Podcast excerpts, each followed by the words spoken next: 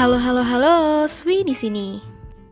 Halo semuanya, kali ini gue akan bahas tentang uh, MBTI. MBTI sendiri itu adalah uh, tipe-tipe kepribadian yang dikem yang dikenalkan oleh Myers-Briggs. Nah, MBTI sendiri itu panjangan adalah Myers-Briggs Type Indicator. Jadi untuk sejarahnya sendiri, jadi ada nih di tahun 1920 uh, psikologi dari Swiss namanya Carl Gustav Jung ini membuat tipologinya sendiri nih tentang kepribadian manusia. Menurut Jung, uh, ditulis dalam bukunya Psikologi Types, manusia itu bersinggungan dengan realitas dengan empat cara. Ada thinking, feeling, sensation, and intuition. Nah, Jung ini punya kesimpulan kalau misalkan reaksi manusia yang timbul itu uh, berhubungan erat dengan sifat bawaan yang kuat gitu. Jadi kalau misalkan dia berhubungan sama dunia atau berhubungan sama orang lain itu karena sifat bawaan. Nah, karena teorinya Jung ini uh, ibu sama anak yaitu Catherine Briggs dan Isabel Myers itu dia tuh uh, tertarik nih abis baca buku psikologi typesnya Jung. Akhirnya dia tuh uh, nemuin cara praktis buat pengaplikasian teori Jungnya ini. Lebih praktis lah gitu.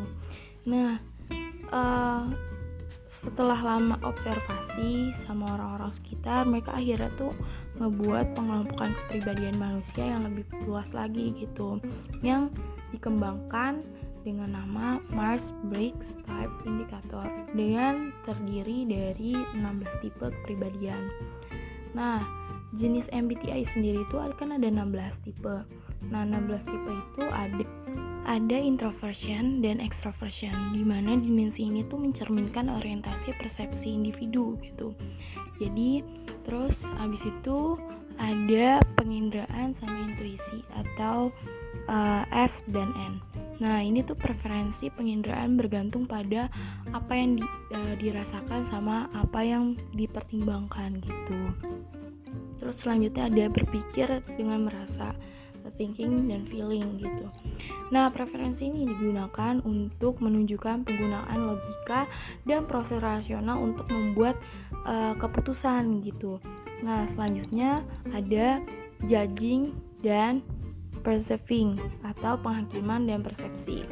Nah, preferensi ini tuh ditemukan oleh Briggs sama Myers itu uh, untuk menilai rasional atau irasionalnya uh, ketika seorang berinteraksi dengan lingkungannya gitu. Nah, untuk 16 tipe sendiri gue akan sebutin. Itu pertama itu ada INTJ atau sering dikenal dengan di arsitek. Nah, kedua itu ada INTP atau the logician ketiga itu ada INTJ atau the commander. Terus keempat itu ada INTP atau debater terus kelima itu ada INFJ the advocate. Terus keenam itu ada INFP the mediator. Ketujuh itu ada INFJ the protagonist. Kedelapan itu ada INFP the campaign. Ke sembilan itu ada ISTJ atau the logistician ke-10 itu ada ISFJ atau Defender. Ke-11 itu ada ISTJ the, the Executive. Ke-12 itu ada ESFJ the Council. Terus ke-13 itu ada ISTP the Virtuoso. Ke-14 itu ada ISFP the Adventure. Ke-15 itu ada ISTP the the Entrepreneur yang ke-16 itu ada ISFP di entertainer.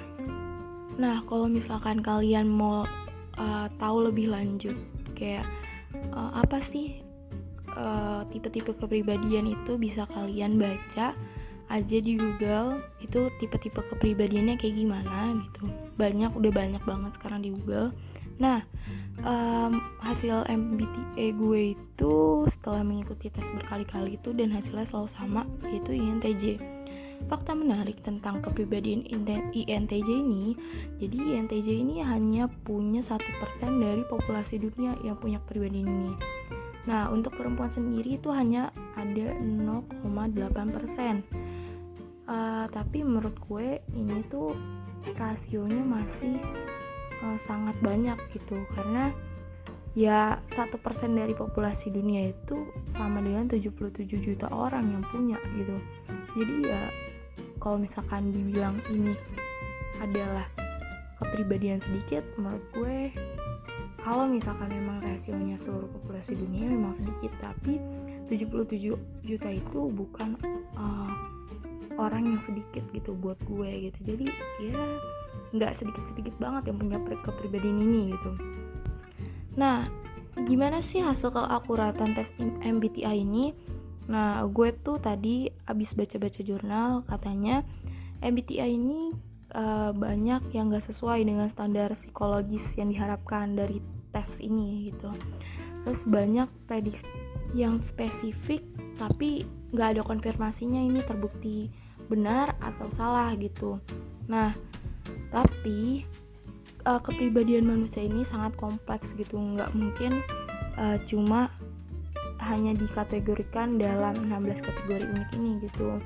Nah juga nggak ada bukti bahwa skor yang dihasilkan oleh MBTI ini mencerminkan ciri-ciri kepribadian stabil dan tidak berubah gitu sepanjang waktu gitu. Pasti kepribadian orang itu akan berubah uh, mengikuti lingkungannya atau mengikuti uh, dari waktu ke waktu gitu. Jadi nggak ada bukti bahwa MBTI ini bisa mengukur kepribadian manusia.